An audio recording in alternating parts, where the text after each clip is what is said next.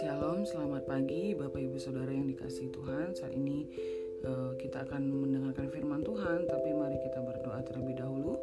Bapak yang baik, kami bersyukur untuk pagi hari ini buat kebaikan-Mu yang kami rasakan sampai pada saat ini Tuhan. Dan sebentar lagi kami akan mendengarkan kebenaran-Mu. Berikan kami telinga seperti murid hati seperti murid yang siap untuk terus dibaharui diproses oleh Tuhan di dalam hidup kami sehingga kami menjadi orang-orang percaya yang semakin hari semakin bertumbuh di dalam Tuhan.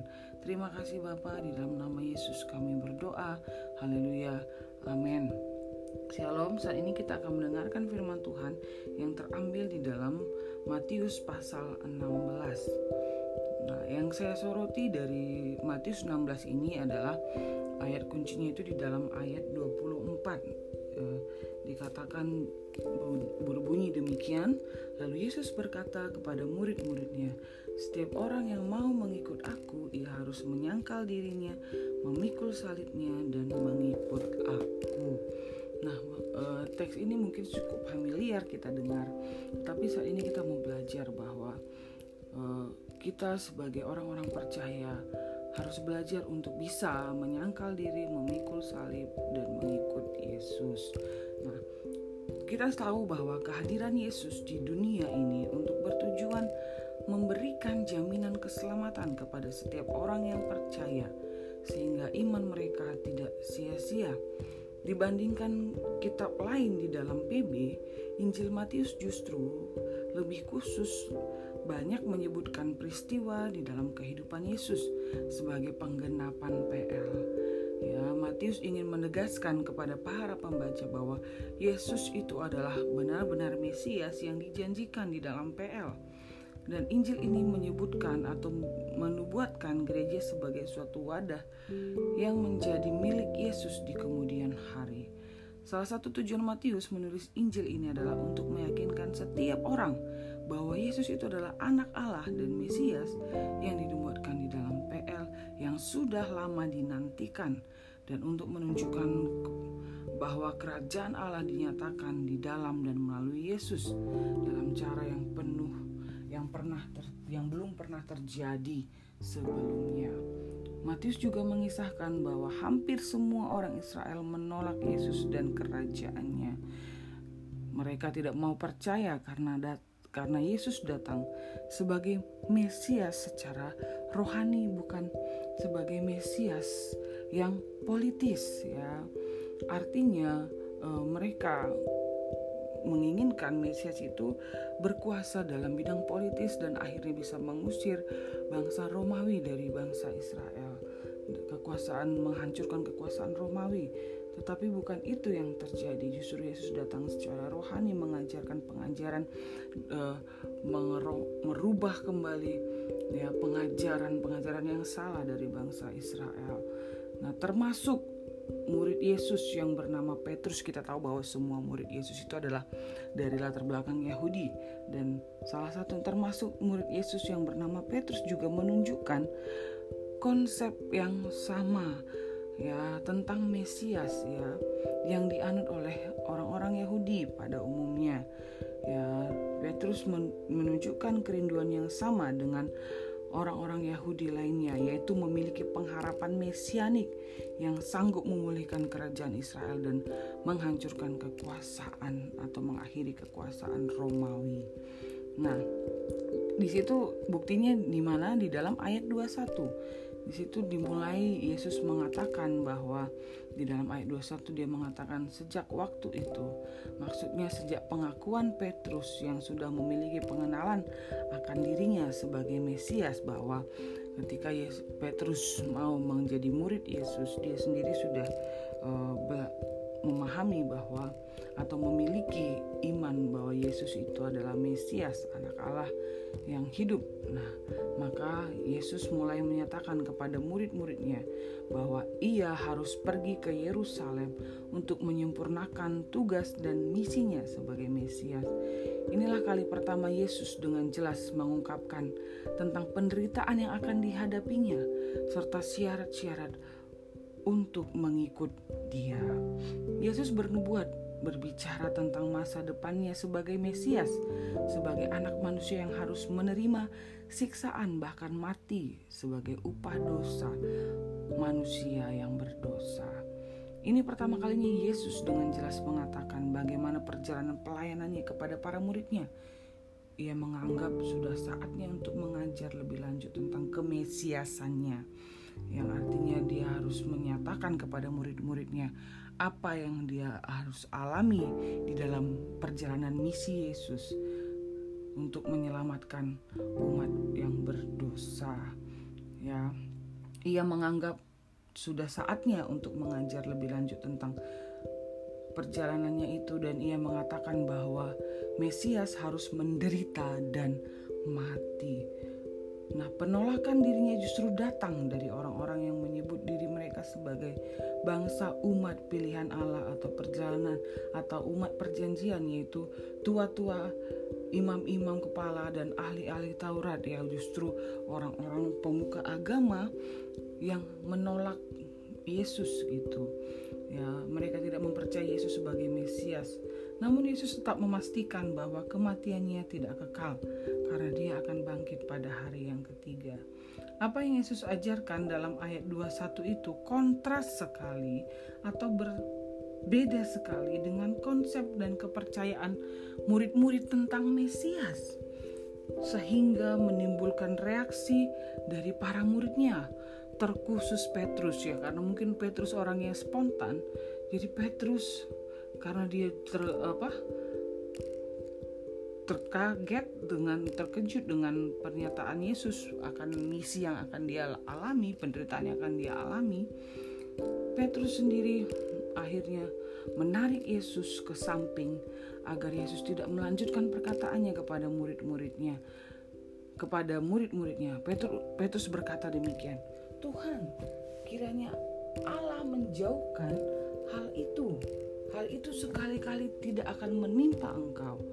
Petrus tidak dapat menerima ucapan Yesus sebab gurunya memiliki kuasa yang yang telah dia saksikan selama ini. Yesus bisa berjalan di atas air, Yesus bisa melakukan mujizat, Yesus bisa meredakan angin ribut. Jadi karena kuasa yang Yesus uh, pernah tunjukkan di dalam pelayanannya itu membuat Petrus tidak bisa menerima bahwa Yesus harus mengalami seorang Mesias, anak Allah, harus mengalami penderitaan, siksaan. Ya, karena berbeda sekali dengan konsep uh, yang murid-murid miliki ya. Pikirkan, nah seperti itu karena ternyata murid-murid berpikir sama seperti orang Farisi dan Saduki makanya Tuhan sendiri memperingatkan di pasal 16 ini, jangan sampai mereka uh, terpengaruh dengan ragi orang Farisi atau Saduki dalam konsep tentang Mesias yang akan datang. Nah, seperti itu ya. Jadi uh, Petrus juga ternyata murid-murid juga dan Petrus berpikir demikian sehingga Allah sehingga Yesus mengatakan demikian kepada Petrus, "Enyahlah iblis, engkau suatu batu sandungan bagiku, sebab engkau bukan memikirkan apa yang dipikirkan Allah, melainkan apa yang dipikirkan manusia." Kata-kata ini ditujukan bukan untuk iblis ya atau setan, tetapi kepada Petrus, karena Yesus berbicara kepada Petrus dan kata-kata ini sedang menunjukkan kemarahan Yesus kepada murid-muridnya bahwa mereka menyalahartikan ya atau mereka masih terpengaruh dengan konsep mesianik yang dipahami oleh orang-orang Yahudi pada umumnya. Padahal mereka sudah melayani bersama-sama dengan Yesus, mereka sudah melihat yang Yesus lakukan, pengajaran-pengajaran Yesus ajarkan, tetapi itu belum merubah konsep mereka tentang Mesias. Sehingga Yesus menegur mereka dan mengatakan kepada Petrus, Seharusnya mereka memikirkan apa yang dipikirkan Allah, bukan apa yang dipikirkan oleh manusia. Dan setelah perkataan itu, Yesus mengatakan di dalam ayat 24 tadi ya, yang menjadi topik kita yaitu bahwa setiap orang yang mengikut Yesus, dia harus menyangkal dirinya memikul salibnya dan mengikut dia. Nah, ini cukup unik ya. Nah, kita bisa belajar dari hal ini. Apa sih itu menyangkal diri? Ya selama ini kita mungkin uh, sudah lupa atau kita bingung di dalam perjalanan iman kita menyangkal diri itu adalah melupakan kepentingan diri sendiri atau egoisme atau orang-orang yang lebih mementingkan dirinya sendiri. Menjadi arti menyangkal diri itu kita tidak mem mementingkan diri kita sendiri atau kita menanggalkan kepentingan diri sendiri dan kita lebih mengutamakan kepentingan Allah di dalam hidup kita. Apa yang paling penting di dalam hidup kita itu adalah memikirkan apa yang Allah pikirkan seperti yang Yesus katakan untuk menegur Petrus ya.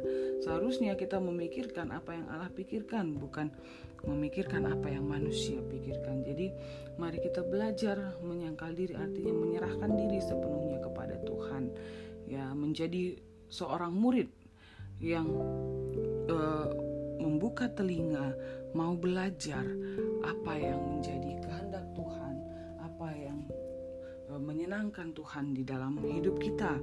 Bukan lagi kita memikirkan apa yang menjadi kesenangan-kesenangan diri kita, tetapi kita memikirkan apa yang menjadi kesenangan Tuhan, apa yang menyenangkan Tuhan. Itulah uh, seorang murid ya, seharusnya seorang murid demikian ya, memberikan dirinya sepenuhnya kepada Tuhan untuk mau diproses, dibentuk oleh Tuhan karena masih banyak hal-hal yang perlu diperbaharui di dalam hidup kita dan kita perlu datang sebagai seorang murid kepada Tuhan untuk mau dibentuk oleh Allah ya.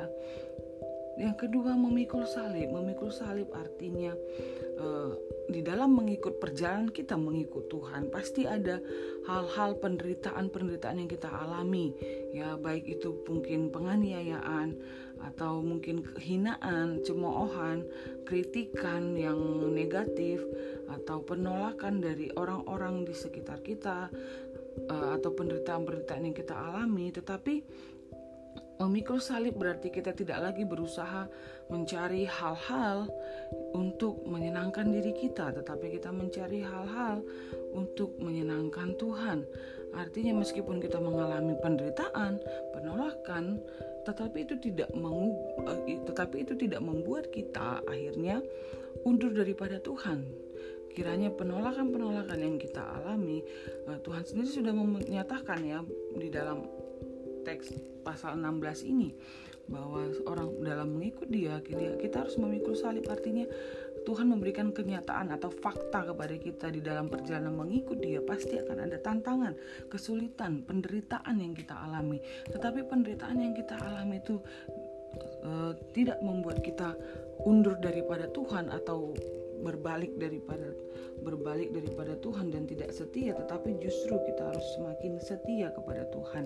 Karena Tuhan sendiri memberikan itu ya bahwa kenyataan kepada kita bahwa kita akan mengalami hal yang demikian hal-hal yang demikian tetapi kiranya hal itu tidak membuat kita lari daripada Tuhan tetapi membuat kita semakin mendekat kepada Tuhan. Amin ya. Yang terakhir Yesus sendiri juga mengatakan menyangkal diri, memikul salib dan mengikut aku. Artinya Tuhan sendiri sudah menjadi teladan bagi kita bagaimana dia mengalami hal-hal yang demikian, bagaimana dia mengalami penolakan-penolakan, penderitaan-penderitaan yang mungkin lebih parah dari yang pada kita alami, tetapi dia tetap setia di dalam misinya, di dalam tujuannya datang ke dunia untuk menyelamatkan kita. Yesus sendiri tidak menyerah dengan keadaan-keadaan sulit, penderitaan yang dia alami, justru dia setia mengikuti Tuhan di dalam setia melakukan misinya. Meskipun itu sakit dan uh, sungguh sangat menyakitkan ya, tetapi dia tetap setia sampai pada akhirnya ya dia menyelesaikan misinya dengan sangat baik ya. Jadi mari kita juga di dalam perjalanan mengikut Tuhan kita menjadikan Yesus teladan kita kalau Yesus bisa setia, Yesus juga akan memampukan kita untuk bertahan di dalam setiap kehidupan kita jika ada penderitaan yang kita alami kita tetap setia kepada Tuhan. Jadi mari kita uh, saat ini firman Tuhan ini datang kepada setiap kita Mari kita semakin hari lebih lagi mengalami Tuhan di dalam hidup kita. Mari yang menjadi prioritas utama kita adalah menyenangkan Tuhan, bukan menyenangkan diri kita sendiri. Seperti yang Tuhan katakan di dalam firman-Nya tadi ya, ketika dia menegur Petrus dia mengatakan, sebab kita harus memikirkan apa yang Allah pikirkan, bukan apa yang manusia pikirkan. Jadi, mari kita belajar memikirkan apa yang Allah pikirkan di dalam hidup kita, karena Tuhan itu setia, ya, sampai akhir pun Dia setia. Jadi mari kita belajar seperti Tuhan setia, kita juga setia dalam mengikut Tuhan. Demikianlah firman Tuhan, mari kita berdoa. Bapa yang baik kami bersyukur untuk firman-Mu yang datang bagi kami, mengingatkan kami kembali sebagai orang-orang percaya. Seharusnya kami juga belajar menyangkal diri, memikul salib dan mengikut Engkau Tuhan. Kami mau Tuhan menyerahkan pikiran kami, hati kami, hidup kami hanya ke dalam tangan-Mu. Kiranya kami bisa peka dengan apa yang Tuhan uh, ajarkan bagi kami kiranya kami memprioritaskan hal-hal yang menyenangkan hati Tuhan bukan yang menyenangkan diri kami sendiri Bapa dan ajar kami Tuhan untuk uh, menjadi punya telinga seorang murid yang mau diajar oleh Tuhan, yang mau diproses oleh Tuhan. Terima kasih Tuhan buat firman-Mu. Kiranya Tuhan memberkati setiap kami. Hanya dalam nama Tuhan Yesus kami berdoa dan mengucap syukur. Haleluya. Amin.